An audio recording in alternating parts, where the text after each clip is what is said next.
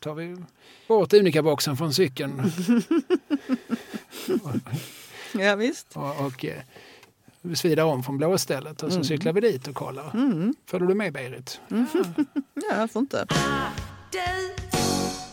Eller möjligen ADU är podden om, för, av, i och med Malmö. Representerat av mig, Kalle Lind och i synnerhet dig, nationalklenoden Jeanette Vante Rosengren. Det värmer mitt hjärta varje gång du säger det ordet. Du har ju en tendens att eh, sätta ditt eget ljus under skeppan. Mm. Där ska det låta lysa klart menar du? Mm. Ja, eller hur man nu säger. Jag kanske använder uttrycket fel. Då får det vara så. Men, men eh, bland annat så har vi ju pratat lite fotboll och sånt där. Och då, då ska du också hela tiden skriva ner din fotbollskarriär. Men om jag ställer frågan så här. Under dina aktiva år som fotbollsspelare, vad var liksom den högsta vinsten du var med om att nå? Som spelare har jag inte, det var ju på en faktiskt väldigt låg nivå. Däremot som ledare har jag varit med och vunnit SM-guld och Svenska cupen och Nordiska mästerskap eller lite så. Mm. Ja, men det är väl ändå... Alltså nu är inte jag så fotbollskunnig som bekant, men det låter som att det, att det ändå är framgångar. Mm. Ja, det var framförallt väldigt trevliga fester efteråt. Det, det, det förutsätter jag. Men de lika trevliga tror du som det där planet hem när VM-laget 94 flög från, från USA till Sverige och enligt Ravelli så kändes det som att det tog en minut. Det var den kortaste resa jag gjort i hela mitt liv. Har han sagt det? Ja. Ja, nej, jag, jag var inte med där så att... eh, Men Ja, det är svårt för dig att Mm, jämföra. mm. Men jag tänker mig att, att det var samma. det är absolut samma. Samma ja, ja, säkert. Klackarna, var befann de sig? Dubbarna menar du? Ja, i, Vi hade dubbarna i taket. Ja, precis. precis. Eh, några saker så här inledningsvis. Förra veckan, eller förra programmet så satt jag ju här och hade glömt eh, skriva upp eh, Swish-numret. Det viktigaste av allt. Mm. Så därför drar vi av det plåstret omedelbart. Så ha papper och penna redo gott folk. 123 052 10 88. Så kan man liksom swisha och stödja podden på det sättet. Mm. Alltså tänk att man liksom köper ett lösnummer av Kvällsposten. På samma sätt så, vad kostar det här programmet? Och det bästa här är att man får själv bestämma. Precis. Jag skulle kanske säga att det kanske kostar 600 kronor. Ja. Men tycker du att det kostar 6 så går det lika bra. ja. Tycker du att det kostar 0 så går det också bra. Mm. Även om det såklart, det, det tar vi som en pik. ja. Såklart. Man känner sig lite kränkt i så fall nästan. Vill man istället för att köpa lösnummer prenumerera så är det ju då som det här Patreon som gäller. Patreon.com. Går man in så söker man upp ADU-podd i ett ord med två D och så kan man då liksom välja en summa att skänka regelbundet. Så stöttar man oss så att vi kan sitta här varannan vecka och dela med oss av, av vårt gedigna och viktiga kunnande. Precis ur vår fatabur. Mm. Man kan också höra av sig den vägen. Man kan också höra av sig på adupodd.gmail.com. Men vi tittar ju såklart helst och först och främst på de som också betalar Ja, naturligtvis. de meddelandena. Eh, och det kommer in trevligheter och eh, ja, ingen av oss tycker ju om att förhäva oss. Nej. Så det är alltid lite genant att eh, även när folk skriver sånt som tack för givna och kommande lyssningsstunder Oj. så vill man ju lyfta på hatten och, Mm. och säga tack för det Karl-Bertil Hake. Men det är också lite genant Mm. att sitta och citera det. Mm. Men nu gjorde jag det ändå. Nu kom jag runt det genom att äta kakan och ha den. Mm, precis. Mm. Men sen har vi fått här från eh, Johan Lundgren, han är också Patreon. Eh, han skriver, jag och min pappa Gösta brukar lyssna på ADU och Snedtänkt, det vill säga min parallellpodd, tillsammans. Han gör lika många avstickare som ni gör, så vi får pausa eller gå tillbaka rätt ofta. han växte upp i Malmö på 50 och 60-talen och lyssnandet har kickat igång hans intresse för hemorten igen, då han inte bott där på många år. Särskilt fotbollen och musiken brinner han för. Det ska ha varit en väldigt speciell upplevelse hur man tågade iväg till match på gamla dagar. Hur folk gick i sina blåa halsdukar och sjöng på gatorna. Och särskilt när skiftet på Kockums slutade så kom en hord av blåa arbetare till. Några grejer han vill höra mer om. Kondiskulturen, konditorikulturen. Eh, Det var det stora umgängessättet på den tiden och det fanns hur många fik som helst. Jazzscenen, dominant innan poppen. Inte de där svingpjattarna från Nalen, utan en bred folklig jazz. Har vi varit inne lite grann på, vi pratade om Harry Arnold och Östen Warnerbring och så, Udemark. amiralen. Precis. Ribersborg, området mellan Öresundsdammarna och Kronprinsen ungefär. Det är faktiskt flera som har pratat om, eh, nämnt det här att ni kanske ska ta er till västra Malmö någon gång. Mm. Och eh, det har vi sagt att det ska vi göra Ja, någon gång. god idé. Mm. Någon gång Någon gång kommer vi dit. förr än anar. Eller senare. Eh, Olof Strid, han är inte patron så att, ja, det kan vi dra igenom lite fort. Nej, men han vill komplettera vår eh, Spotify-lista. Ja. Vi har ju en Malmö-lista på Spotify med eh, bland annat The Mopeds låt If If. Åh ja, den är från Blådårar-soundtracket. Mm. Thomas Andersson Vi har skrivit en låt som heter Blues från Sverige. Mm. Där andra versen eh, väldigt uttalad beskrivning om Erik Svenning och byggjåren, rivningsåren. Mm. Eh, jag sköt svanen av bandet Smisk. Oj, oj, Är oj. du bekant med det? här? Det måste väl eh, handla om svan, svanpappan som blev skjuten i kanalen för något år sedan. Ja, precis. Det finns ju också en P4-dokumentär om den svanen. Mm. Som är tämligen ny Mm. i talande stund. Mm. Vit päls, ett gammalt Malmöband. Mm. Finns inte längre. Nu heter det Laser och bas. Mhm. Men det är samma centralgestalt. De har gjort en låt som heter Skanörsgatan 4. Jaha, Det får man också säga är väldigt geografisk, geografiskt specifikt. vad intressant. Och sen så har ett band som heter Den svenska tystnaden Mm. gjort en låt som heter Barnomsorgen i södra Sofielund. Det lät som äldreomsorgen i övre Kågedalen. Ja. Ja, precis. Jag anar att det måste finnas eh, någon medveten association. Mm. Ja, precis. Olof skriver kanske ett mindre vanligt perspektiv. Mm. Det får man säga. Jag tror Det det, tror jag att de har lyckats nischa sig. det finns fler låtar som handlar om olycklig kärlek än som handlar om barnomsorgen i södra Sofielund. Spännande, det måste man ju lyssna på. Och sen nämner han också Oslos låt Skönhet i förfall Mhm. och skriver ingen skönmålande men fantastisk låt. Vet inte om detta egentligen är en Helsingborgsskildring. Pelle Oslo har väl rötterna i Helsingborg Mhm. och fanns eh, i Malmö de åren han spelade med Wilmer X. Han finns väl här fortfarande Mm. I, någon mån i alla fall. Men eh, låten är inte så tydlig exakt vilken skönhet det är som är i förfall. Nej. Uppenbarligen. Men de här kastar vi väl in på vår lista. Eh, Det var något mejl till här som jag... Ja, Okej, nu, nu bryter vi emot våra principer och så läser vi lite beröm här då. Ja, okej. Håll för öronen. Mm. Hej Kalle och Vante. Jag är trogen lyssnare av en annan podd som Kalle har i SRs regi. Född och bofast söder om Söder i den kungliga huvudstaden. Halka in på ADU för att Kalle nämnde det i sin andra podd. Bra Jag har Kalle. gjort reklam där i public service uppenbarligen. Jag känner mig skeptisk eftersom jag har åkt igenom Malmö tre gånger i mitt liv. Alltså typ noll anknytning till staden. Nu sitter jag här och har lyssnat på alla avsnitt och väntar på nästa. Hur fan gick det här till? Jag är ju stockholmare, lokalpatriot, ut i fingerspetsarna. Hatten av. Sjukt bra podd. Från Från. Petri Hovinen. Han är visserligen inte patron men vi väljer att eh, ändå läsa. Ja, men en stockholmare. Ja, det är bra Petri, det tackar vi för. Ja, det gör vi faktiskt. Mm. Och sen så apropå vad vi pratade om för några avsnitt sen, eller förra avsnittet, där vi rockade. Ja. Då nämnde vi ju Oves. Ja. Och nämnde att Oves ju också hade en filial i Lund. Mm. Jessica hon skriver att hon kan berätta att Oves i Lund faktiskt fanns kvar ganska länge. Jag är född 83 och hängde där en hel del under tidigt 00-tal. De gjorde en grej av att bjuda alla nyblivna 18-åringar på en gratis drink. Så självklart var det dit man begav sig på sin 18 födelsedag. Ett trevligt ställe med många originella stammisar. Mm. Det var väl smart av dem att bjuda på lite. Det får man väl säga. Mm. Det kan ju hända att Jessica stannar kvar och tog ett glas till då. Och Det- hennes Om hon nu ändå var där. Ja. så blir det ju lätt så att så kanske man kommer tillbaka nästa gång. och så. Sen så ska jag, det, vad som har utvecklat sig till en liten följetong i den här podden. Mm. Jag tog ju för ett antal avsnitt sen upp en, eh, en lista över rock-Malmö-jargong anno Just det. 1983 Mm. som jag fick mig tillsänd av Martin Theander Mm. som har sysslat med det mesta inom Malmökultur sen, sen då. Mm. Det var tre människor som var intervjuade och så gick de igenom jargong, så Köppe de Köp och King Arne och Mm. vad det nu var.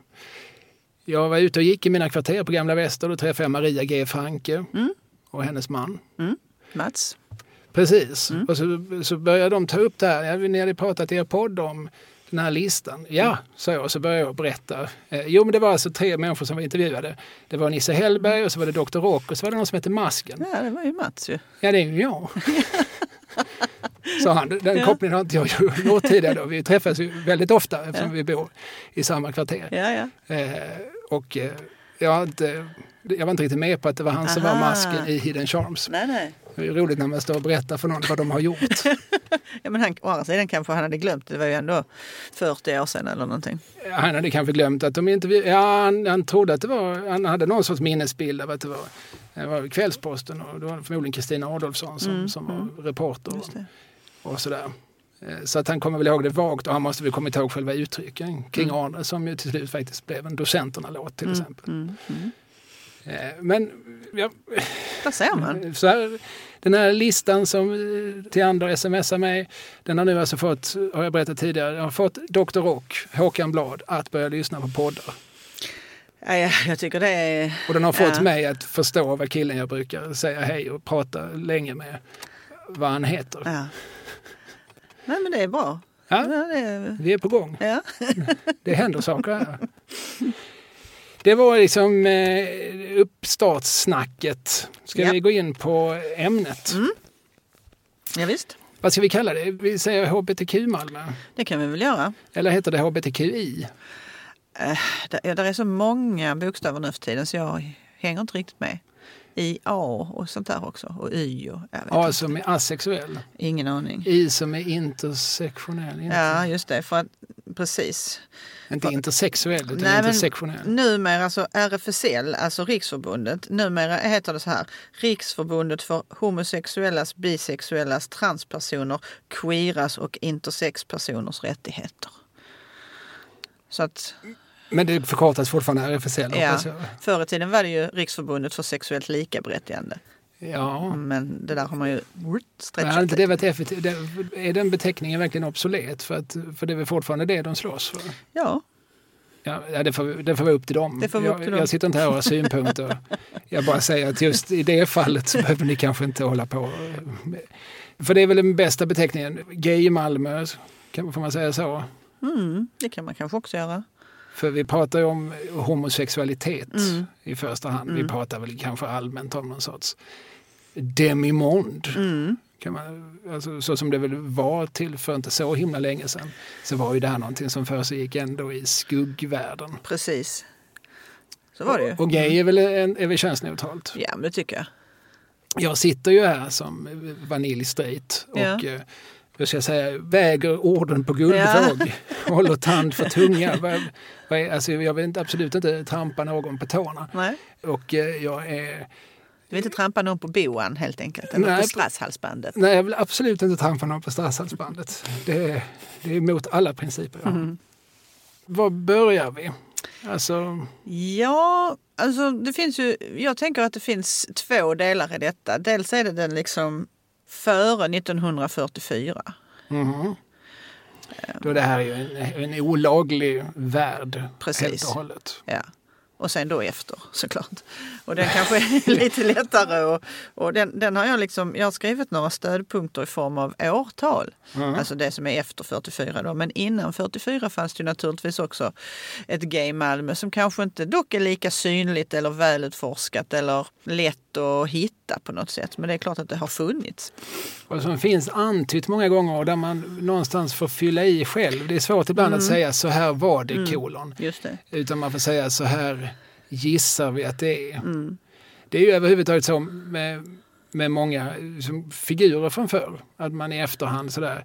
Allting tyder ju på att vederbörande var homosexuell. Mm. Men eftersom det finns ju inga dokument som såklart uttryckligen understryker det. Det gick inte att gifta sig, det gick Nej. inte att säga det rakt ut. Nej. Det kan möjligtvis, ibland så kan det kanske finnas liksom personliga brev och dagboksanteckningar som bekräftar det. Mm. Men eh, ganska ofta så, så är det bara så att, att allting runt omkring tyder på att så bör det väl ha varit. Mm. Jag minns jag läste en intervju med Sverker Åström Mm. som är en intressant man, Mm. eh, diplomat och eh, en av alla de här människorna som sprang runt omkring Palme på sin tid. Han kom ju ut som tämligen gammal. Mm. Han var väl 80 plus eller någonting, var inte det? Ja, precis. Men, men då var det som att liksom, 65 år i garderoben, nu, nu, nu är jag ute. Mm. Nu, så han började gå my- mycket, eller kanske han gjorde redan innan, men, men nu så lät han fotografer följa med honom när han gick på gayklubb och dansade hela natten och så. 80 plus. Och han gjorde ett program ihop med Olle Palmlöv som hette Bög-TV, va? Mm. Nej, Böglobbyn hette Ja, det. just böglobbyn var det. Eh, han hoppade visserligen av ganska fort för han tyckte det var trams. Han tyckte det var liksom någon tramsig vinkel på det hela. Men, men jag minns ju väldigt fint hur, i, i, i den här serien hur han och Olle Palmlöv går runt i Stockholm och Sverker pratar om cruising. Ja, Här cruisar vi! ja. Eh, och I alla fall så läste jag för ett antal år sedan, nu är han död, men jag läste en intervju med honom i QX där han fick frågan vilka är dina favoritbögar? Och han svarade då eh, Michelangelo och da Vinci. Om jag ska ta en modernare får det bli Karl Gerhard. Tyckte det var så skönt med någon som har ännu gubbigare perspektiv än jag. Men då var det å andra sidan en 80-plussare som brukar gå på disco så att ja, han kanske ändå var lite cool. Ja. Han kanske också nämnde Anders de Waal, ja, ja. den stora Dramatenstjärnan. Då pratar vi alltså 20-30-tal. Ring, klocka, ring. Ja. Mm, den första som läste Tennyson eh, på Skansen för en offentlighet. Eh, och jag, jag det var intressant där, för, Sverker Åström var det som självklarhet att da Vinci och Michelangelo var bögar. Mm. För det kan inte finnas egentligen några dokument som säger. Nej. Sen så kan man ju gå och titta i Sixtinska kapellets tak och ana att eh, killen som låg och målade de här, han tyckte om manskroppar Mm. och tyckte de var vackra. Precis. Men måste det betyda, är man inte fördomsfull då? Men inne från insidan får man väl lov att säga det. Alltså Sverker, i hans värld var det ju så alldeles uppenbart. Ja, precis. Han ägde ju frågan. Så han... Men visst, eh, nej, jag vet inte vad det finns för dokumentation, men det är klart att man har läst det genom åren, att man har antytt det och att eh, redan då frodades det unga, unga gossar kring de här målarna. Och... Ja, Alltså Vi ibland kan vi inte. veta, i fallet Oscar Wilde kan vi veta det för att han ju hamnar i domstol just för det. Men eh, alltså fram till i Sverige då, fram till 1944 så var det ju här någonting som faktiskt fick ske i skuggorna. Mm. Det var någonting som man dolde för omvärlden, för offentligheten, för familjen, många gånger för sig själv. Mm. Så det är svårt att i efterhand liksom slå fast med, med säkerhet.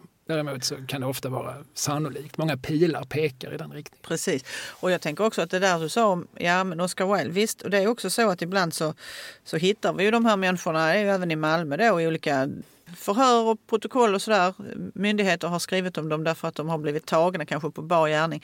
Men det är ju bara en väldigt liten del av historien. Det kan ju lätt bli så att man tror att ja, men de där bögarna de ägnar ju sig bara åt eh, pederaster allihopa för de här har minsann raggat upp unga pojkar på järnvägsstationen eller vad det är. Men så, det, där, det är ju bara en liten del. Allt det där andra finns ju inte dokumenterat på samma sätt.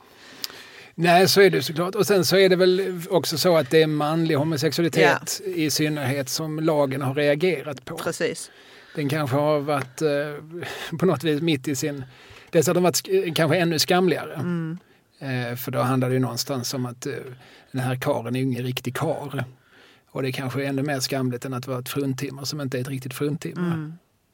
Jag tror inte att, att det finns ett enda fall där man, har, um, där man kan se alltså spår i domböcker och sådär efter, i Malmö, alltså efter att eh, kvinnor har haft såna här homosexuella relationer med varandra, alltså före 44 då. Medan det finns ett antal män då som man har Och, de, och de männen, det är då folk som har, överlag har blivit påkomna på bar gärning. Mm. Mest de ägnar sig åt cruising. Cruising. Och det var ju så att man, jag tänker på den här detektiva polisen som infördes slutet på 1800-talet när man delade upp det, Malmös polisenhet i två delar då. Eh, Alltså en ordningspolis och en, och en investigator, Ja. Mm. Och det handlar ju mycket om såklart att hålla koll på prostitution, alltså de kvinnliga prostituerade men också faktiskt att eh, f- se till så att de här manliga homosexuella prostitutionen var under lupp. Män kanske raggar oftare eller gjorde eh, på mer publika platser som kvinnor inte sysslat med historiskt sett. Nej, som kvinnor kanske inte haft eh, tillgång till. Man har inte haft tillgång till de offentliga rummen på samma sätt. Nej, det har, men dels det och sen ja, precis om man tänker på att manlig prostitution eller manlig, jag ska säga, manlig homosexuell raggning många gånger ägde rum på olika offentliga toaletter. Så många gånger var ju de offentliga toaletterna inte för kvinnor ens på den här tiden. Så det kommer ju inte förrän med 10-talet, Ja, de Stenbergska ja, villorna. Exakt, som vi har pratat om här tidigare. Ja. ja, som ju är, för den som inte minns det, Anna Stenberg som vi har gjort ett eh, AD om, Anna Stenberg och El- Elma Danielsson. Eh, Hon satt i stadsfullmäktige, första kvinnan i Malmö stadsfullmäktige. Och ett av hennes tydligaste avtryck, det var de så kallade Stenbergska villorna. Eh, Fyra var de va? Åtminstone från början. Offentliga toaletter som uttryckligen också bjöd in kvinnor. Jag vet inte på vilket sätt det egentligen syntes på dem. Eh, de- Det var de- väl att det gick att sitta. Ja men exakt, för de tidigare som fanns, de manliga, det var ju mest urinoarer. Alltså Mm. Kissekurer. Mm. Jag förstår. Eh, men de användes då inte, men det var fortfarande unisex. Det, eh, ja det var det ju, så herrar kunde också gå på dem. Men så småningom blev det ju också raggställe på dem naturligtvis. Det fanns ju någon sånt ställe vid Norra Vallgatan, just en Stenbergs villa som blev ett sånt raggställe så småningom. Mm. Men i de här gamla domstolsprotokollen då kan man lite grann liksom dra slutsatser just om var de här krosingstråken gick. Eh, Det fanns ju, och inte bara, ja precis, hemliga mötesplatser överhuvudtaget som de initierade kände till och visste om. Och det, Centralstationen är ju ett sånt ställe i Malmö. Eh, Stortorget är också ett sånt ställe. Och då pratar vi offentliga toaletter. För att det stod, alltså, Precis. det var inte hela torget. Nej, det är ett gigantiskt torg. Var ska vi börja leta? Nej, Ja. men exakt eh, så var Och sen är det också en del parker som Rörsjöparken och Öresundsparken och sådär som i sin tid har varit ställen där man kunde hitta likasinnade. Ja, och även Slottsparken. Va? Ja, precis. Det har vi väl pratat om att eh, Mm. många av rekryterna vid kronprinsens husarregemente gick över Regementsgatan och eh, drygade ut kassan. Mm. Ja men visst gjorde de det och, och eh, även när de låg på Drottningtorget så var det ju i den, de environgerna. Det fanns ju Eh, det har ju Thomas Sörensen skrivit om i den här boken Det blänkande eländet som handlar just om kronprinsens husarer. Att det fanns ju eh, två delar i det här. Dels fanns det ju unga eh, husarer då som behövde extra pengar. Man hade ett uttryck att köra en bög. Alltså att lura en förment homosexuell man på pengar i avsikt att man trodde man skulle följa med på en, ett sexuellt eh, sammanträffande. Liksom. Istället så, så man till att få pengarna i förskott och sen springa. Ja, ungefär så. Eh, och sen det andra var ju mer en, en prostitutionsdel där många av de här unga husarerna som kanske egentligen inte var homosexuella men de hade så dålig lön så att de behövde dryga ut kassan på det sättet och, och kanske också någon form av gemenskap fann de i det här. Ja, de blir ju sedda Mm. av, av äldre män. Ja, det är överhuvudtaget väldigt spännande med hela den här kulturen. Jag känner ju egentligen mer till hur den ser ut i Stockholm. För att det kommer ju fram om man till exempel studerar Keyne-affären Mhm. runt 1950 och Haijby-affären som exploderar strax därpå. Där finns, båda två anknyter på något vis till tidens krosing och tidens manliga prostitution. Och, Ja. och eh, drar ju också in Gustav den femtes förmodade homosexualitet. Han, den här Kurt Haijby, Mm. han stämde ju hovet för att han menade att de hade pressat ut honom. Han hade varit Gustav femtes älskare och det, det var ju känsligt Mm, i början av 50-talet. Det hade varit känsligt även idag. Det hade det. Och återigen Karl Gerhard som i någon mån också rörde sig och, och gärna antydde.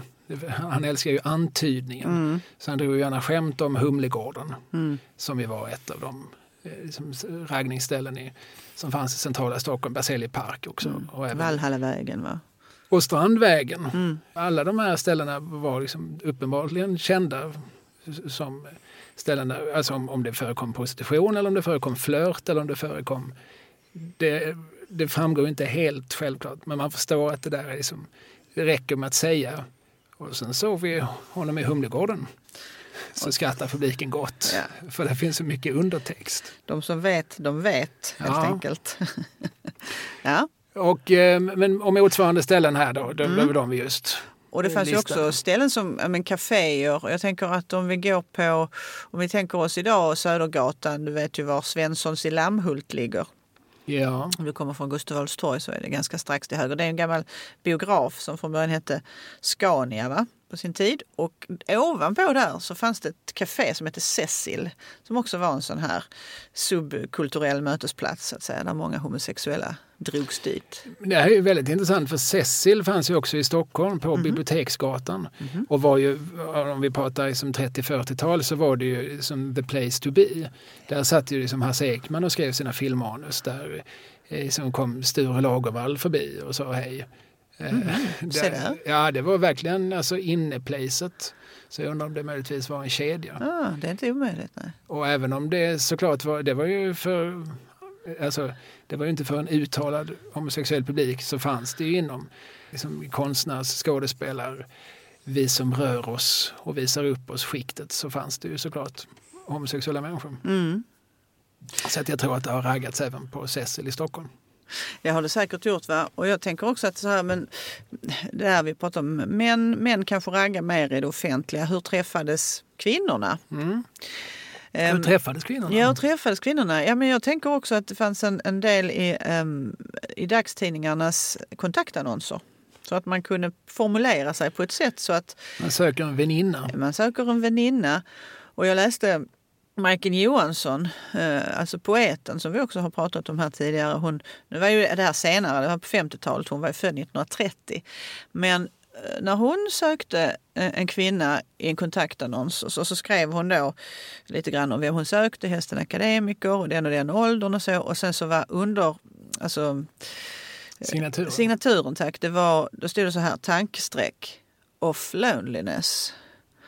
Och då, den som visste det, den visste det återigen därför att då refererar hon till boken Well of Loneliness, alltså Ensamhetens brunn av Radcliffe Hall som sägs ha varit den första lesbiska romanen som skrevs. Och då, den som mottagaren där, det handlar ju om att förstår man det där Det är verkligen kodspråk. Ja, mycket kodspråk i, i de här annonserna. Säkert har det varit så på många sätt. På det sättet har man träffat varandra.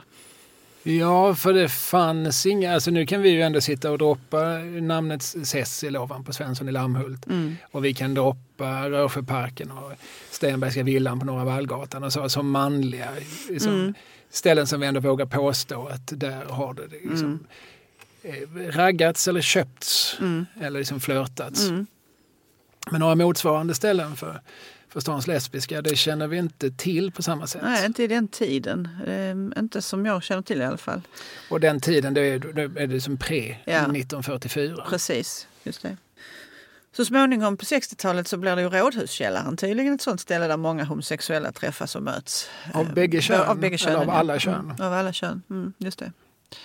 Men det är ju lite senare som sagt. Mm. Var vill du börja? Eller rättare sagt, vi har väl redan börjat. Ja men eh, om vi fram till 44 så är det ju då olagligt, det är förbjudet att utföra homosexuella handlingar i Sverige. Mm. Så långt är vi överens, eller hur? Och därefter blir det ju då sjukdomsklassat istället. Fram till 1979. Ja. Och Håken vet om det är bättre att få två månaders straffarbete än att bli kallad för eh, psykiskt sjuk. Nej, det är väldigt intressant det du lyfter nu, för Mm. vad som sker i ganska hög grad strax efter, att, eh, efter legaliseringen 44, det är ju en backlash. Mm. Eh, sen några år senare så exploderar nämnda affärer, Kane-affären, som ju som är hela eh, vad ska man säga, kärnan av den affären handlar ju om liksom en, en paranoid homofobi. Mm. Eh, Den här Karl-Erik Kane som var liksom en gatupastor i Stockholm. Han gick runt väldigt mycket och liksom anklagade alla möjliga människor för att A. vara bögar och B. tillhöra en homosexuell liga. Just det, som Ja. förföljde honom va? Ja, ja. det så? de- Och han, och han var förföljd av åtminstone en man vid ett tillfälle. Men, men med den paranoida världsbilden så har han till slut dragit in hela samhällsapparaten i Mm. princip. Där finns både liksom riksdag och regering och hov. Och han fick ju bland annat statsrådet Nils Kvensel att avgå. Ja, ja. Det blev som en konsekvens av detta. För han var, han var ungkarl Mm. och eh, ansågs nog allmänt vara en smula mystisk. Mm. Och, eh, så det, det, var Det liksom, det var ett bondoffer som regeringen var beredd att göra för, Ja. för att liksom, tysta Kane-affären. Och Nils Kvensel, alltså, återigen en sån här figur som man idag ju absolut läser som homosexuell. Mm. Men det var ju ingenting han kunde vara öppet Nej. och eh, det var ju ingenting som, han skulle, som vi med våra ögon tycker att han skulle straffas för. Men det tvingar nog i någon mån också människor alltså att göra... Det blir det liksom, om allt det här måste ske i skymundan så måste man ju också... Alltså det bryter man ju, liksom- man bryter ju de facto mot lagen. Mm. Alltså bara det att man liksom går hem och ligger med en samkönad. Mm. Det är ju ett lagbrott. Mm. Men också hur man ska hitta den personen. Alltså, till slut så glider man ju lätt in i, någon sorts skuggvärld. Många unga, som vi har pratat om, många unga män, fattiga unga män Mm. får ju då prostituera sig. Mm. Och eh, det finns många exempel på så här, unga män på glid Mm. som eh, liksom får dryga ut kassan. Dels med att sälja sig till äldre män och dels med att, med att stjäla och dels med att eh, kanske liksom sälja smuggelsprit. Och så. Alltså det, Mm. det, det blir som en del av en av någon sorts kriminell värld. Precis. Det var liksom en, en effekt Mm. av Mm. hur lagstiftningen såg ut. Mm. Men när den här då stämpeln, eller när det då Mm. avkriminaliseras, vad som händer i någon mån är ju att nu, nu är det uppe på bordet. Ja. Att det här finns. Ja. Och då plötsligt så börjar ju som en massa straighta och förmodligen många gånger också homosexuella män att bli en smula paranoida. Mm. Och, liksom, och, och se bögar i varje buske. Precis. Och man kan se där, om man som jag har tittat lite grann på Karl Gerhard som ju var bisexuell. Han var ju gift tre gånger, ganska korta äktenskap för all del, så han kanske var... Det, det, det är ju också återigen svårt att artbestämma. Mm. Och det kanske inte är så viktigt heller, men, men på 20-30-talet så skriver han väldigt mycket eh, som antyder det ena och det andra Mm. om olika kamrater till honom. Om Jules Sylvain hit eller Anders de Waal dit. Eller, det finns liksom med hela tiden som ett tema. Men efter 44 så är det mycket osynligare. Mm. Och då har han ju själv nog i det privatlivet valt att leva ett, ett mer liksom, utpräglat homosexuellt liv Mm. med, med sin, Göte. som det hette, allt i allo Mm. och chaufför och privatsekreterare Göte. Mm. Han som bodde två rum bort Just från det. Karl Gerhard i samma hus, men som ju var hans allt i allo. I samma veva så väljer han ju också att ensam adoptera Fatima. Mm. Eh, och det kan ju också liksom bidra till att han inte ville skylta så öppet med vem han var. Nej, För då måste han ju få lite sökarljus på sig. i Den här. precis. I, återigen i en väldigt homofob tid. Ja. Men om vi det som går tillbaka till Malmö-perspektivet. Ja. Kan man se någonting liknande här? Ehm, man kan ju, jag tänker så här, 1900, om vi tar det bara på riksnivå först och främst, 1950 så bildas ju RFSL. Mm. Så då finns det ju en organisation som tillvaratar gayarnas, eller alla då hbtq-personernas Är, rättigheter. det, är det både män och kvinnor med från början? Ja, det är, det är, jag kommer inte ihåg hur stor den största första styrelsen var. Det var en uppräkning på rätt många män. Där är en kvinna med från början och sen så blir det fler och fler efterhand. Men allra första mötet då är det bara en kvinna. Men det där startar ju liksom i Stockholm och sen så sipprar det ner genom lagren i, i Sverige och så, så kommer det också till, till Malmö. Um, men jag tycker att egentligen så kan man inte se så mycket eh, ställen som man har gått ut på eller klubbar och sådär förrän i slutet av 60-talet egentligen. Eh, som vi kan placera i Malmö och där vi, det fortfarande finns människor som har varit med och som, som har ju blivit intervjuade om det här och som har berättat och sådär. Eh, en del av dem finns, finns ju som sagt kvar redan. Men, och då får vi gå till nästa, sak, nästa stora sak som händer i slutet på 60-talet, nämligen Stonewall-upproret i New York. Som ju är, alltså Stonewall Inn är en, en, ett gayställe i eh, Greens Village på Christopher Street. Och där är de så vana vid att polisen gör razzior och man eh, prylar de här bögarna och flatorna och transorna gula och blå. Men till slut en dag så gör de motstånd. Och då blir det ju verkligen, eh, man vänder upp och ner på hela den här eh, kontexten kan man säga. Det blir en rekyl. Ja, det här är ju som en symbolhändelse, Ja. en milstolpe. Så det refereras väl bland annat till den i filmen Milk. Mm. Där Sean Penn spelar, han, han spelar ju Harvey Milk. Harvey Milk, borgmästare i San Francisco. Mm. San Francisco som ju vid ungefär samma tid blir en sorts eh, tillflyktsort för hbtq-världen. Mm. Eh, Men där, han refererar, de refererar till Stonewall flera gånger i den filmen vill jag minnas. Och så- Jag har stått eh, precis utanför Stonewall Mm. och pratat med ett par väldigt verserade äldre New York-bögar. Mm. Det var liksom strax efter Orlando, Ja, ja, alltså den här skjutningen mot Mm. en hbtq-klubb. just det. Eh, och det var ju som fullt med, med blommor och, och så. Mm. Och de, ja, det var så här två sköna, väldigt New Yorkska judiska män som Mm. levt tillsammans sedan 60-talet. Mm. Och som tyckte att Stonewall det var liksom inte det bästa, det var inte det coolaste stället. De kände Nej, det var många- rätt så ruffigt faktiskt. De känner till många fler, många bättre ställen som de Ja. hade varit på. Eh, Jag har läst någonstans också att det där var ett ställe där som var, men det var väl maffian i princip som kontrollerade det och hela drinkarna, det var, man drygade ut spriten med vatten och det var ganska eh, läskigt. Det fanns inga inomhustoaletter ens en gång och sådär. Men ändå ett, När ett av många. hänvisade dit Ja, ja. Så, så var det ju i ganska hög grad, Mm. förstår man ju. Alltså Mm. att eh, de fick vara nöjda med det. Okej, här fanns ett litet... Här får vi i alla fall lov att vara. Mm. Strunt samma då att, att här är lös och möss och jävelskap och, och, och, och mafiosos etc. För att här, vi får i alla fall vara här. Ja. Sen fick de inte det heller riktigt eftersom polisen regelbundet kom och knackade på. Tills de då tröttnar på det här avhumaniseringen och, och slår tillbaka. Och det blev ju som en, en milstolpe där. Och så året därpå är det första gången man arrangerar New York Pride. Det kunde ju vara liksom en eh, lite lämplig ingång eftersom i höst eller i augusti så ska man ju arrangera eh, World Pride här i Köpenhamn och Malmö. Så. Jag tänkte vi knyter ihop det på det sättet. Men, Men ja, Stonewall är 69 det är 69 den, den 28 juni. och, och första Pridefestivalen 70. Ja, Eller Prideparaden. Precis. Eh, och sen samma år, 69, alltså fast här i Malmö då, då öppnade en restaurang på Altonagatan 3. Tvärgata till Stora Nygatan mot Moderna Museet till. För övrigt granne, alltså vägg i vägg med Lundakvinnans hus. Har vi inte pratat om Lundakvinnan?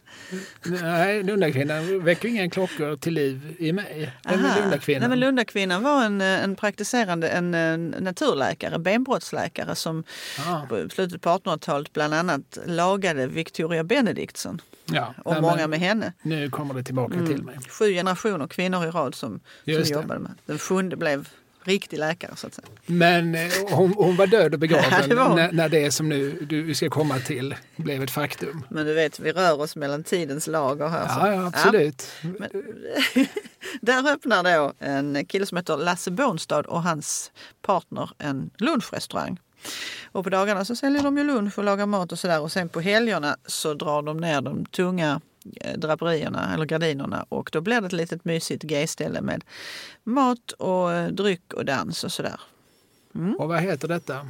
Det heter eh, siesta faktiskt. Eh, Ej att förväxla Nej. med det siesta som har funnits på Gamla Väster sedan åtminstone tidigt 80-tal. Precis, nej det är inte alls samma ställe.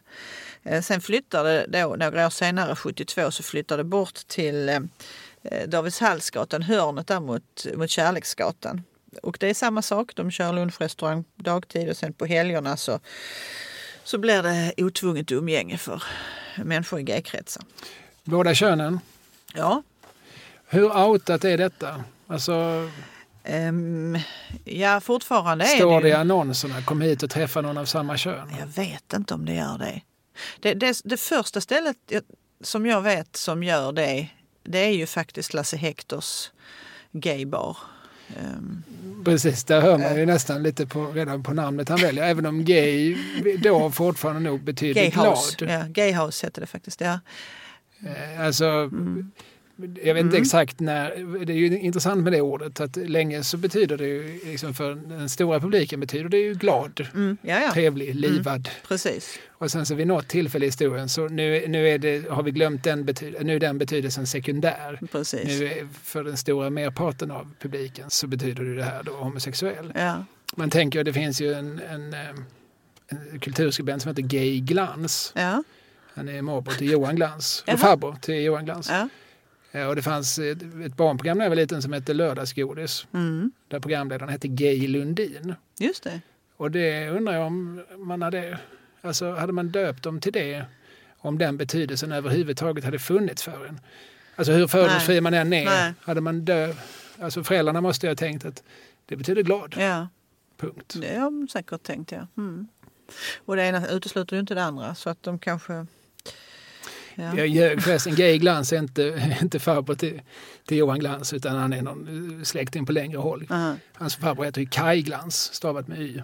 Mm, Okej. Skrev förr i tiden i Moderna Tider. Jaha. Tillhörde samma generation kulturskribenter som Horace Engdahl och Stig Larsson. Som kom fram på 80-talet. Jaha. Aris Fioretos och de här. Ja, ja, ja. Mm, mm. Nu är vi bort, långt Mm. borta från ämnet. Det var det någon också hade noterat. Man fick trycka på paus emellanåt. Precis. Eh, RFSL startade i Malmö 1970. Mm. Så då finns det ju en organisation, apropå hur man kan hitta, hitta dit. Och då, då finns det en organisation som har en verksamhet där man har temakvällar, och ibland har man middagar, och ibland har man, så är det politiska träffar. Och det blir olika utskott såklart där man kan då söka sig dit. Och, och samma år ska sägas också, det här 70, men 70 och 71 är sådana där riktiga märkesår i den Malmös gayhistoria. För att eh, 1970 spelar man också en pjäs på Intiman som heter Oss pojkar emellan. Mm. 44 föreställningar för sammanlagt 8374 i publiken. Jag tror att det är en succé. Det tror jag också. Och vi har ju människor där som fortfarande är aktiva. Alltså Lars Humble spelade en av huvudrollerna och sådär. Och det här originalet till den här Oss pojkar emellan det är The Boys in the Band. Eh, det var ju en teaterföreställning först men sen har man spelat in, man har filmatiserat den här två gånger. Den senaste nu bara för ett par år sedan. Det är ju en, en eh, New York-skildring där, eh, vad är de nu, åtta, nio bögar som träffas och ska fira en födelsedagsgris då. Och så blir det en, ja det är många uppgörelser. Det är också väldigt roligt. Det är mycket bitchiga, elaka kommentarer och sådär. Utan att ha sett den så säger jag att jag gillar den. Ja, det, du, den finns på... Du kan gå hem och se den. Den, är, den nya i alla fall, den är oerhört rolig. Många kända ansikten i, av skådespelarna. Och man kan säga att det är snabbt jobbat också av Malmö Stadsteater att ta upp den här för att teaterföreställningen hade premiär, eh, alltså eh, filmen hade premiär samma år, då 1970, den första filmen. Så att då har man snabbt plockat upp det här och ändå valt att ta med det. Man känner till tematiken och vill visa det här för Malmöborna. Mm. Ja, nej, men det där är intressant att spekulera lite grann i vad, som, vad det här, vad det här är liksom ett viktigt tema för, för folket på teatern. Att nu äntligen finns det en pjäs. Jag kan ju säga så här, jag, för några år sedan så jobbade jag lite på Malmö Opera. Jag, för jag var konferencier när de eh, 2019 firade sitt 75-årsjubileum. Och när jag gick där i kulisserna under några dagar och vi repeterade så, här, så kan jag ju säga att jag har aldrig känt mig som en minoritet på samma sätt. Nej, det kan jag förstå. För jag tror att jag, Mm. jag tror jag var den enda straight eh, karln Mm. i, i det sällskapet. Mm. Vilket ju var eh, spännande. Mm. Om man som alltid har tillhört normkulturen, Mm, tillhört mm. majoriteten, tillhört oss som har problemformuleringsinitiativet. Eh, liksom för, för några dagar så är det liksom tvärtom. Plötsligt blir jag Mm. objektifierad, plötsligt känner jag liksom blickar. Alltså, utan att smickra mig själv, men, men, Mm. men jag kände att jag någonstans ändå vägdes och mättes på ett annat sätt Ja. än vad jag brukar. Mm. Det var väldigt intressant, någonting som jag rekommenderar alla att göra några dagar. För Mm. att, eller motsvarande, liksom, för att bara någonstans vrida på perspektiven i ens eget liv. Mm. Men jag läste på lite grann också i samband med det här konferenserskapet.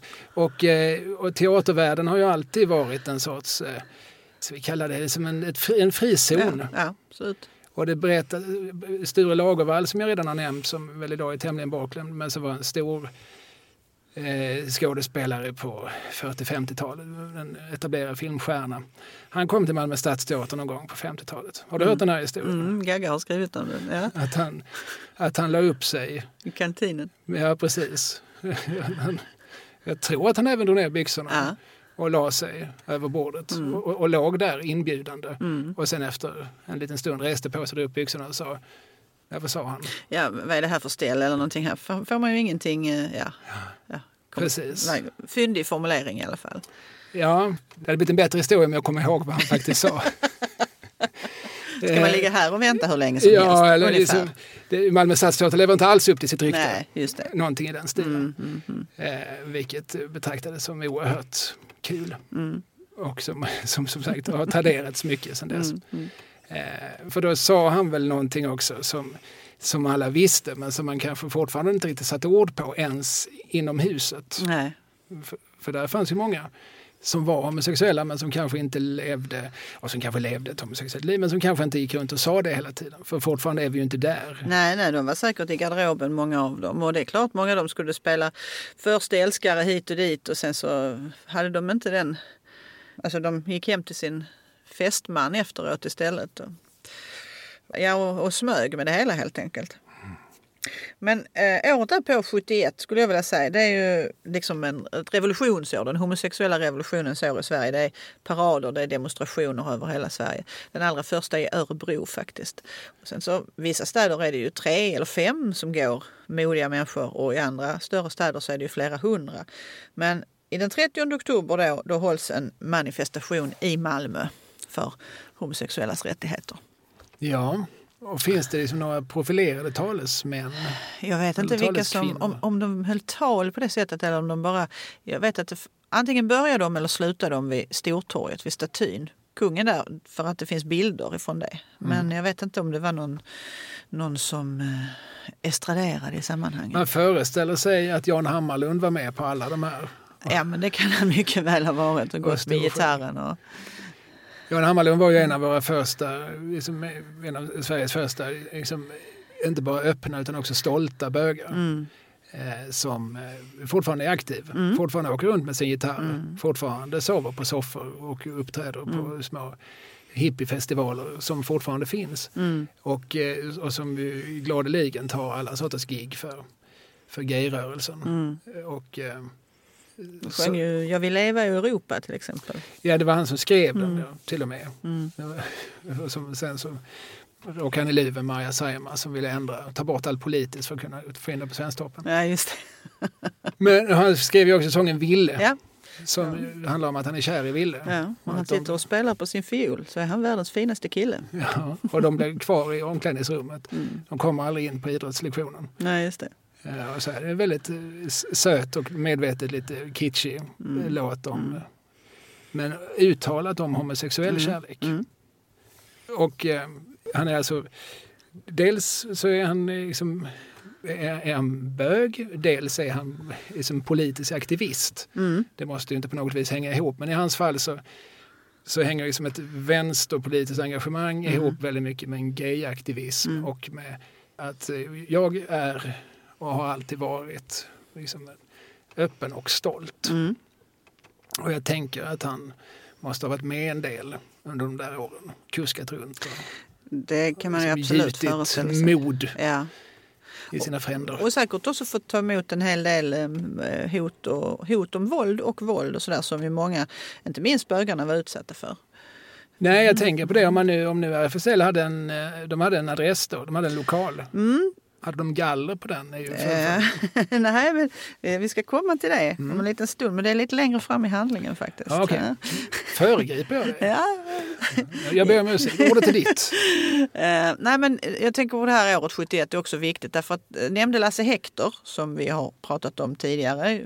Ja, vi nämnde honom för att det var han som startade Gayhouse ja, på Paveusgatan. Som ju är en liten tvärgata till Södergatan. Om man kommer från Gustav Adolfs torg så är det direkt in på vänster hand där.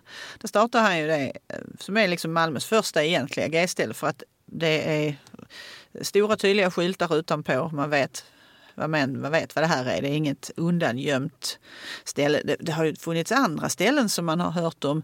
Något litet privat eh, häng uppe på NK-taket bland de här radhusen. Där fanns det något ställe som många gaymänniskor har gått till och sådär. Men det har inte varit något liksom, eh, av den här kalibern. Det här var skilt utanför. Och han höll ut, eller höll ut, han höll på med det här i, i sju år faktiskt och drev den här baren. Och sen blev det ju ett problem också för honom därför att eh, det fanns ju raggare då som inte var så öppna för att det skulle finnas människor eh, homosexuella människor som hade egna lokaler här i stan eller som ens fanns i stan. Och de trakasserade människor som gick dit och de hällde bensin. Konfrontationer var det vid något tillfälle. De kom med järnrör och sådär. Så människor blev naturligtvis skrämda och ville inte synas och, och var rädda för att gå dit eller därifrån.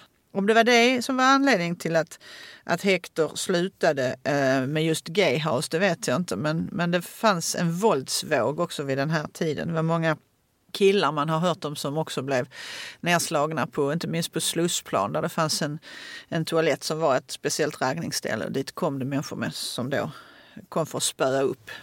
För att knacka bög så kallat, Ja. som verkar ha varit ett folknöje på sina håll i Precis. landet. Ja. Mm. Så att några sådana här ställen har det funnits också. Det fanns också något på Östra Förstadsgatan som hette Club Max som man har kunnat gå till. Sådär.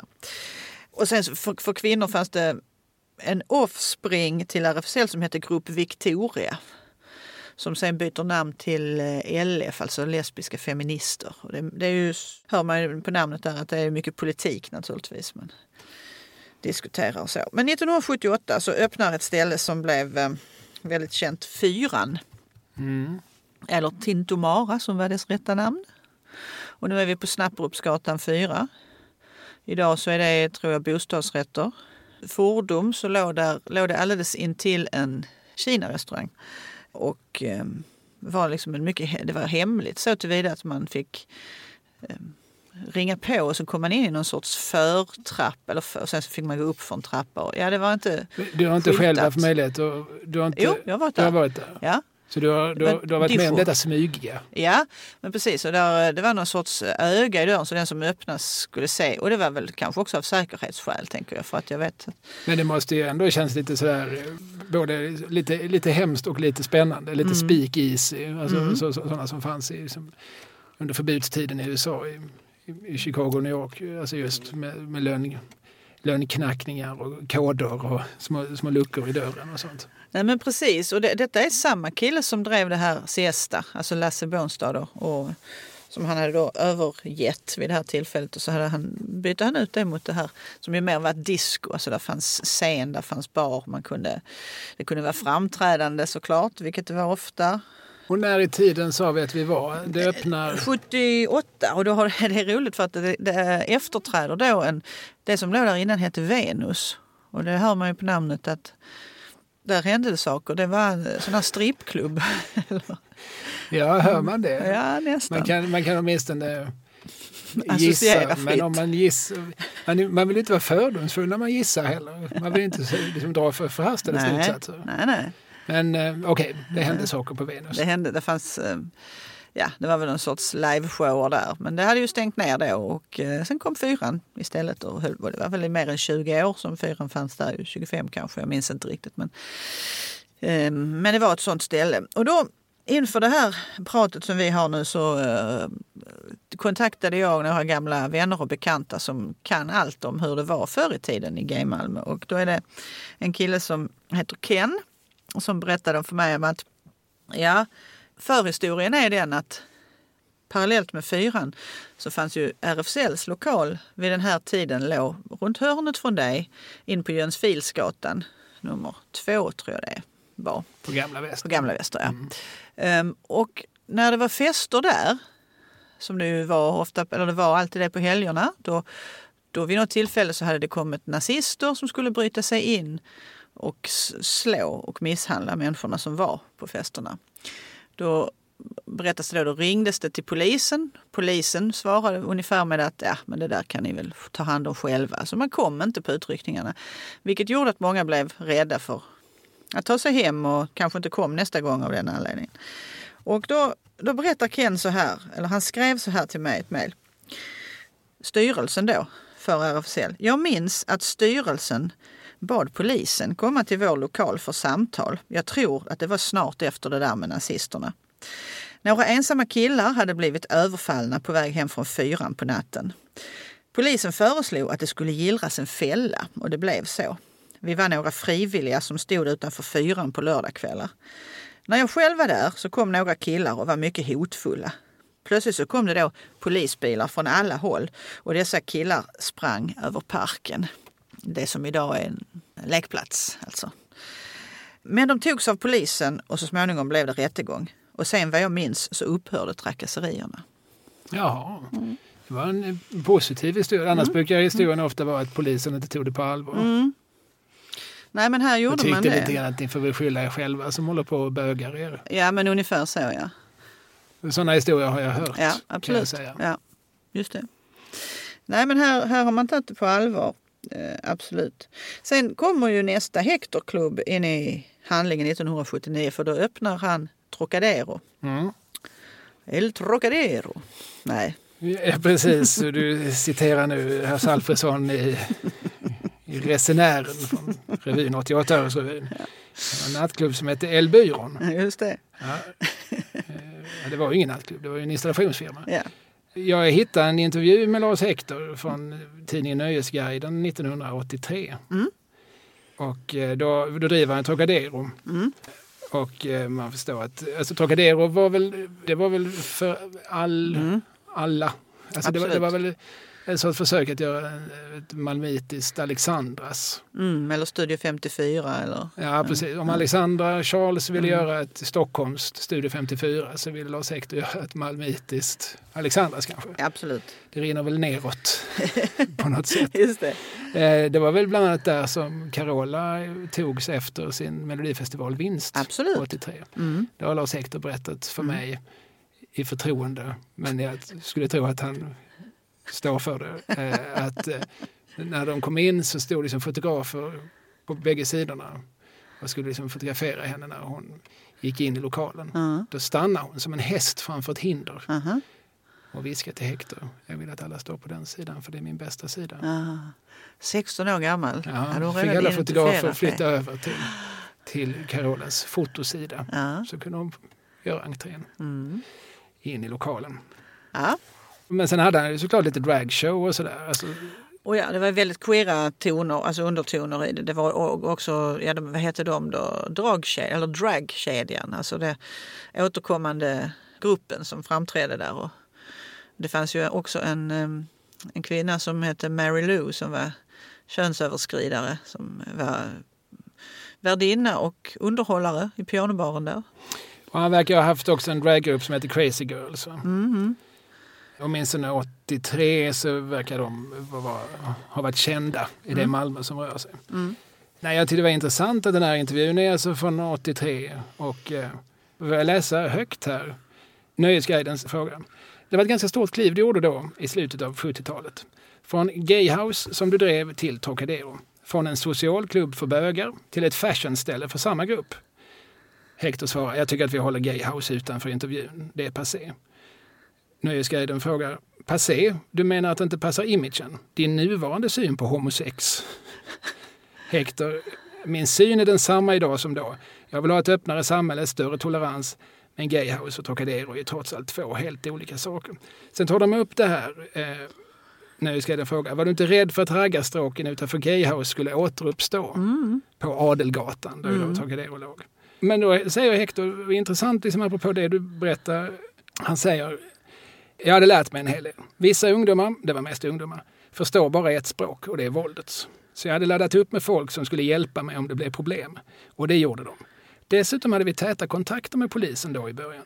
Man var rätt mån från myndigheternas sida att det fanns ett ställe för homosexuella. Mm. Mm. Det är väl lite intressant, är det inte det? Alltså, det- Man inbillar sig gärna, alltså det är ju så svårt det där ibland med var vi befinner oss i tiden, men man inbillar sig att, att 80-talet fortfarande var en intolerant tid. Mm. Då kom ju en backlash till i och med liksom aids-vågen. Just precis. Mm. Eh, Jag tror det var liksom lättare att vara öppen 79 än 89 åtminstone för manliga homosexuella. Mm.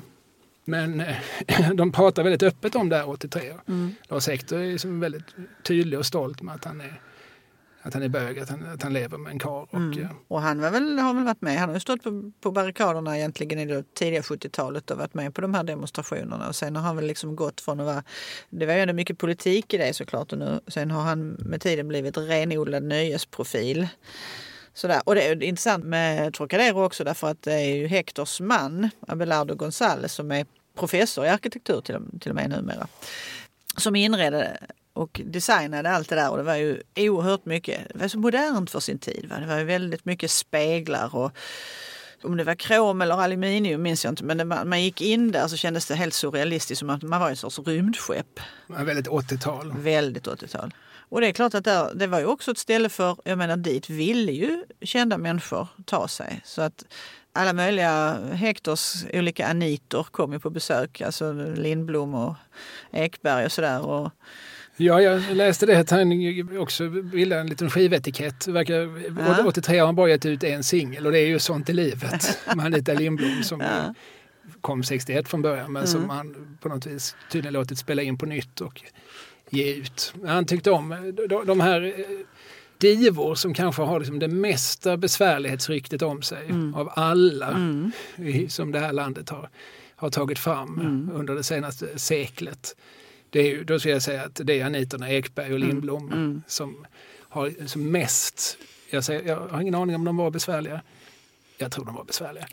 eh, och, och alla verkar ganska överens om det. Vissa har överseende med det, vissa blev oerhört eh, provocerade av det. Men, eh, men Hector hade uppenbarligen inga problem med någon av dem. Nej, de kom, han kom ju Så att de verkar ha trivts i, i den krigszon som de verkar ha haft omkring sig. Han är ju en lugn man så han har säkert haft en lugnande inverkan på dem på det sättet. Och sen blev det ju också så att jag tycker det är rätt så intressant att det här eh, Malmö då som många vid den här tidpunkten har beskrivit som oerhört tråkigt och nedgånget och industristad och där kunde man inte göra någonting. Blir, liksom blommar upp där på Trocadero så att alla som är någonting som har ett namn i Sverige vill ju hit när de kommer till de här breddgraderna. Liksom eh, dåtidens kändisar som eh, Björn Borg och hans första hustru Mariana och det var Frank Andersson som var ju en eh, ökänd eh, eller en ökänd, men en, en känd festprisse får man väl säga också. Vid sidan Han var känd sitt- brottare och ökänd festprisse, vågar jag säga. Ja, ja, men jag, jag håller med dig. Och med dem alla möjliga olika människor från olika samhällsskikt kan man väl säga. Jag förutsätter att Ricky Bruch var där. Det har han säkert varit, ja. Och jag menar inte sånt som Karl Pedal som man kanske inte skulle kategorisera bland de här. Han kom ju dit och hade krogshow och rocka röven av bögarna, citat honom själv. Ja. och räddes inte det liksom. Men eh, ja, så att han skapade verkligen en, en, eh, en plats i Malmö där många människor kunde mötas på ett väldigt demokratiskt vis. Och glammigt och roligt vis också såklart. Ett omalmöitiskt vis, Ja, tänker man spontant ändå. mm. Alltså man blir lite förvånad. Alltså man undrar liksom vilken, vilket klientel var det som tog sig dit då? Men, men det fanns väl liksom ett eh, latent uppdämt behov Mm. av ett sånt ställe. Va? Kan man ha roligt i den här stan? Mm. Ja, det kanske vi ska testa hur det känns. Det är ju lite sådär, alltså, det heter ofta så om en plats och det är väldigt ofta så när någon har etablerat sig på det här sättet så, så berättar de ofta det. Alltså inledningsvis så sa alla att det går aldrig, kommer aldrig gå för folk i den här stan vill inte. Men ja, jag testade och det visade sig att de visst det ville. just det. För, för att eh, någonstans vill de flesta väl ha lite kul någon gång i alla fall. Det tror jag säkert. Om man inte har en eh, väldigt, eh, vad ska man säga, alltså, är vi där igen med de här flagrantpiskorna. Att vi ska späka oss själva och inte njuta av någonting och inte unna oss någonting. Nej precis, sen kan man ju ha olika definitioner på vad som är kul såklart. Att alla kanske inte älskar liksom, krom och, och att frottera sig med Björn Borg. Men, men eh, visst, det, det visade sig att det fanns en publik även för den här sortens glam i Malmö. Och det här höll igång mellan 79 och eh, 84. Mm, så det är ju ändå rätt många år får man säga som han hänger i. Och då jobbar han 13 till 17 timmar dagligen, sju Ja, ja. dagar i veckan, Ja. enligt egen utsago. Ja, jag tror nog att eh, det ligger sanning i detta. Mm. Såklart. Eh, Men sen, han eh, drev nog rent av flera ställen parallellt under någon period i alla fall. Mm, mm. Ja, det fanns ju också någonting som hette MGR, Malmö Gay Radio. Mm. Det kanske fortfarande finns, det vet jag faktiskt inte. Men eh, det startade vid den här tiden i det tidiga 80-talet. Och jag vände mig då till de här eh, vännerna och bekanta som jag berättade om tidigare. Så har vi en Rosita som berättar följande. Radio MGR är dock värd att nämnas. Eh, Vi gjorde ett gott arbete med att få folk att känna sig mindre ensamma. Det var till och med en del som berättade att de tog bilen och körde ut i skogen för att lyssna utan att bli upptäckta. RFSL var en så viktig mötesplats och inte minst för lesbiska. Vi hade inte så många mötesplatser som bögarna utan det var RFSL och möten med lesbiska feminister hemma hos varandra. Och jag kommer ihåg när vi flyttade från Jönsfilsgatan till Eden på Ängelholmsgatan. Det är alltså där gamla textilfabriken där Massive håller till idag. Jag vet vad vi är. Mm. Vi är mitt emot min äldste sons gamla föräldrakooperativ, Gripen. Ja. Nej, spaden. Spaden. spaden heter Mm. det. Jag blandar ihop mina olika barns olika dagis. Du, har ju, du har ju ett koppel. Det har varit det spaden och gripen och snurran, men det här var spaden. Eh, ja men just det, och dit flyttade nämligen då RFSL efter Jönssonsgatan till ett mycket större lokal. Så i alla fall. Och då fortsätter Rosita så här. Det var en stor grej och en fantastisk satsning. Det fanns uppenbarligen efterfrågan vad gäller mötesplatser både för tjejer och killar. När vi hade Café Eden var vi uppe i cirka 500 medlemmar. Allt sköttes av ideella krafter och eh, man var organiserad i arbetsgrupper. Cafégruppen, radiogruppen, ungdomsgruppen med flera. Och MGR det var då en närradiostation. Mm. Eh, Det här är ju som ett 80-talsfenomen. Det finns ju fortfarande närradio men idag fyller det inte samma funktion med internet och eh, i och med att eh, radion dessutom har, liksom blivit fri även för kommersiella krafter. Men i slutet av 70-talet så släpper man ju en del av FM-bandet och en del av AM-bandet till ideella krafter. Alltså så väldigt många föreningar, frireligiösa grupper och, och så gör ju det till en del av sin verksamhet, en del av sin kommunikationscentral. Mm.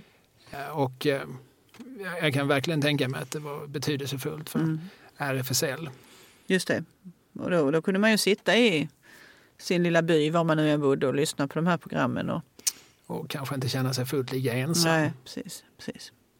Och kanske till och med ta emot till sig en dag och komma in till Jönssonlidsgatan eller Ängelholmsgatan och, och gå på någon fest eller Vi kan hoppas det. föredrag eller sådär. Vi kan får hoppas att verkligen Lö- hoppas. Löfberöds enda, enda bög satte sig i bilen efter att ha liksom, han råkat ratta lite Mm. på, på sin gamla transistor. Och så vänta, det här känner jag, det här känner jag mig... Det här är ju mitt folk som pratar. Mm, Det är mina vänner. just det. Har de ett ställe också? Mm. Kan man gå dit? Ja, jag kanske tar på mig lösmustasch och kör dit. alltså vi är fortfarande på 80-talet. Det är Ja, ju fortfarande, Absolut. även om det finns liksom allt fler offentliga homosexuella så är det fortfarande oerhört skambelagt. Ja. Alltså jag gick på låg och mellanstadiet vid den här tiden. Det, var ju, Mm. det, fanns ju en, en neuros. Även när frigjorda lärare och så skulle prata om det så, så gick de ju upp någon ok- oktav, Mm. närma sig falsetten när det här Skynda sig förbi oerhört pikanta ämnet Mm. på något vis skulle liksom avhandlas. Nej, men visst det är skällsord i många avseenden också. Bög och flata och sådär. Mm. Eh, när vi ändå är inne på Café Rosa Molnet, som lokalen hette på Jönssonlidsgatan 2, så där faktiskt debuterade en av våra sedermera, eh, får man väl ändå säga, största scenpersonligheter vi har haft i modern tid i Sverige, nämligen Rickard Wolff. Ja, ja, han gick på scenskolan här. gick på scenskolan här och har gjort sitt första uppträdande på i just den lokalen då. Någon gång i mitten på 80-talet. Så där.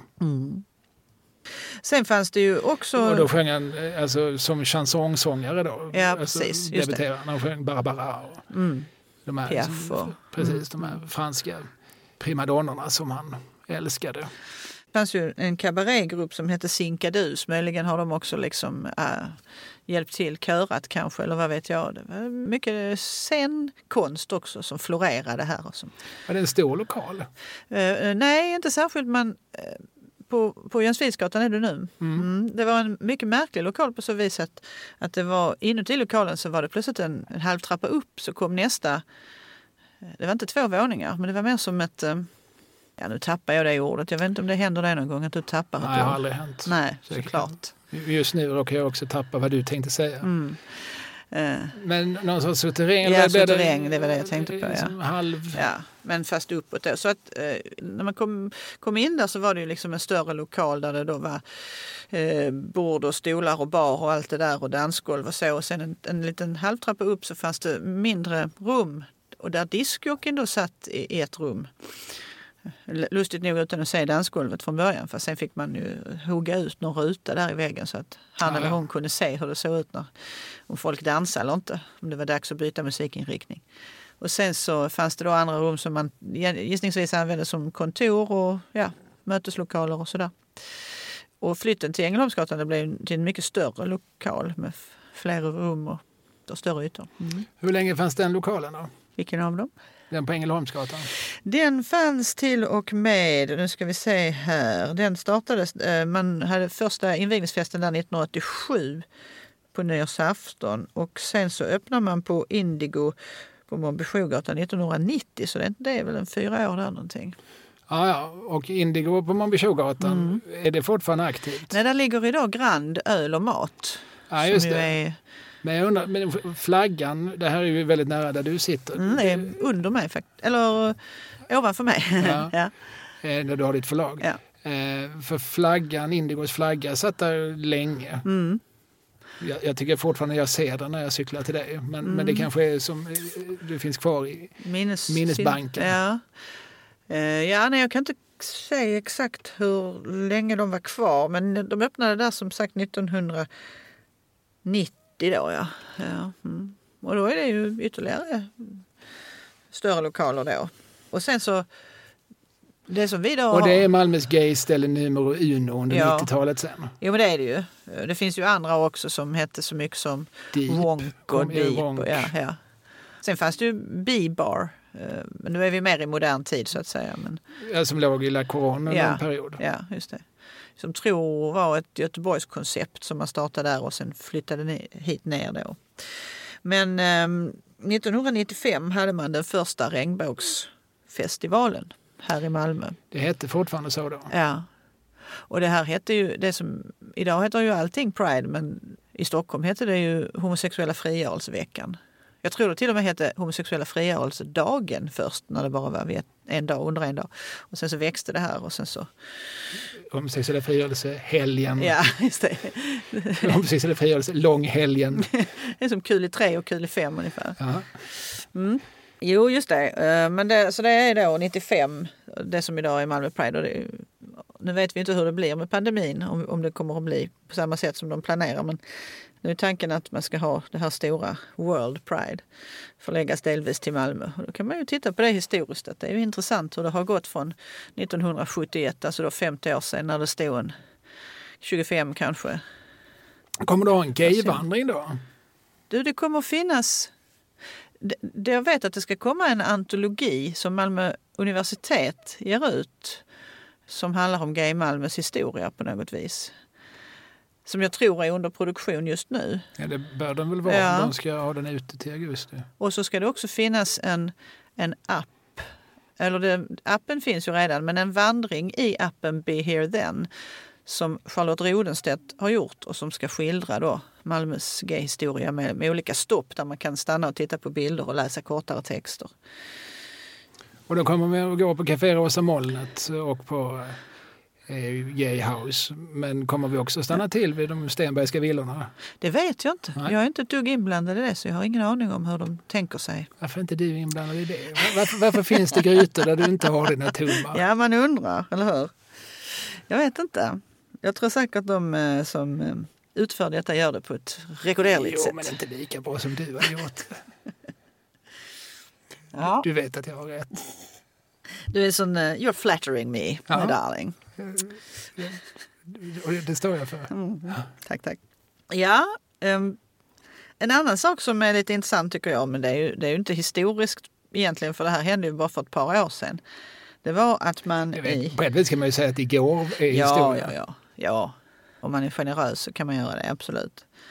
Men i, i Sankt Pauli kyrka i Malmö minns du att man hängde upp en... eh, Alltså fotografen Elisabeth Olsson Wallin, Mm, Ecce Homo, just, fotografen. just hon. Då hängde man upp i den här kyrkan något som hon hade gjort som var en variant av Adam och Eva, alltså Kranaks verk. Och i, i vanlig Elisabeth Olsson Wallin-anda så var ju den här tavlan fullspäckad med olika eh, bögar och prostituerade och ja, allt som hon brukar tryffera sina bilder med.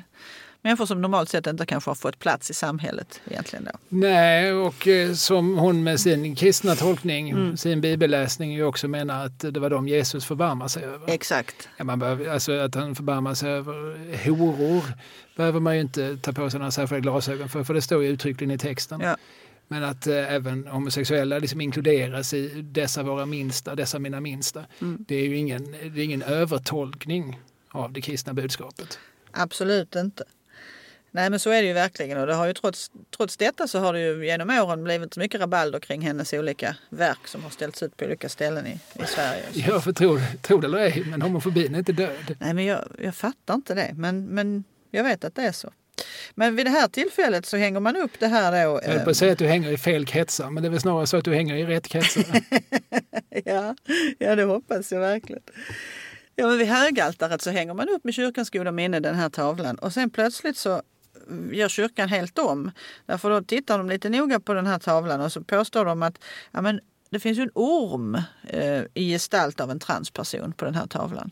Oj, det här är inte bra. Det skulle kunna upplevas som väldigt transfobiskt, säger kyrkan, plockar ner tavlan från altarrummet och, och ersätter den faktiskt med en annan Elisabeth Olsson Wallin-tavla. Eh, ja. Nämligen Nattvarden. Ja. Från Ecce Homo, va? Mm. Och, Ecce Homo var ju ett antal olika fotografier ja. som eh, KG Hammar, som då för tiden var ärkebiskop, släppte in i, i kyrkorummet. Jag tror det var en vandringsutställning. Just det. Och var den än drog fram så väckte de gamla homofoba vanföreställningar till liv. Mm. Folk som bodde under stenar, de släppte loss stenarna och tog sig upp och hade ja, synpunkter. Ja, precis. Det var, det var ganska spännande. Det finns skildrat Gabriella Ahlström, syster till Kattis för övrigt, mm. har skrivit en väldigt läsvärd reportagebok. Den har vi 20 år på nacken nu, men jag gissar att den fortfarande är läsvärd. Och att det är just en tidsskildring och en...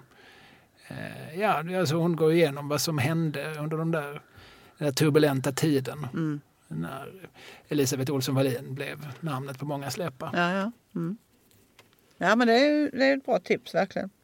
Elisabeth Olsson Wallin blev ju inte glad över detta naturligtvis och hon sa då så här till Kulturnyheterna. Svenska kyrkan har ända fram till idag haft problem med transpersoner. Att då ge sken av att de nu bryr sig om transpersoner det är ett snedsteg, ett oärligt sätt att ta bort tavlan. De kommer att få skämmas inför historien. Se där. Mm. Det var ord och inga visor. Det var ord och inga visor. Är det vårt sista nedslag i den här historiska genomgången? Ja, om inte du har fler tankar kring det hela? Nej, men vi har ju fått ganska mycket sagt. Alltså, vi har mm. gått på någon sorts, så som vi gärna gör i det här programmet, så har vi som gått en vandring längs Malmös gator. Det kunde vi sagt inledningsvis att i vanlig ordning så är det ju bra att uh, ta lurar i och sen ge sig ut på promenad. ja. Man får ju springa lite fram och tillbaka. ja, får man faktiskt, ja. Alternativt vara beredd med pausknappen. Men vi kan också säga att det är ju Ja, det har ju varit liksom olika tyngdpunkter i stan. Det har varit lite på gamla väster och mm. sen så rörde vi oss lite österut. Alltså, tunneln då har ju absolut inte varit utbildat gayställe men det låg alltså på Adelgatan. Mm. Och sen så eh, har vi även tagit oss upp till Möllevångskvarteren. Mm. Men det är ju ganska, det är under på 80-talet som vi mm. hamnar där. Fram till dess så är det som innerstan på något vis som ja. är liksom the hangout. Precis. Mm. Vilket ställe var bäst? Och det beror ju på vem du frågar. Jag frågar ju dig. Ja, ja, men det, det, har ju varit roligt såklart på alla ställen som jag har haft förmånen att bevista i olika samlingar av människor. Men eh, nej, jag, jag kan inte välja. Kan ja. du välja mellan dina barn? ja, det kan jag. Ja. Men det gör jag inte offentligt. Men om det hade börjat brinna så vet jag ju såklart. Vem du hade räddat först. ja, det är slitit med mig. Ja, ja nej, men då slutar vi väl där då, mm. om vi inte har mer att tillägga. Eh, som vi sa inledningsvis, vi finns på Patreon, vi finns på Gmail och eh, ja, vi finns ju i sinnevärlden. Mm. eh, vi som har pratat är Kalle Lind och sen är det ju då den oförlikneliga Jeanette Vante Rosengren. Ska vi säga så då? Ja, det gör vi. Ja, sa vi. Mm. Hej. Hej.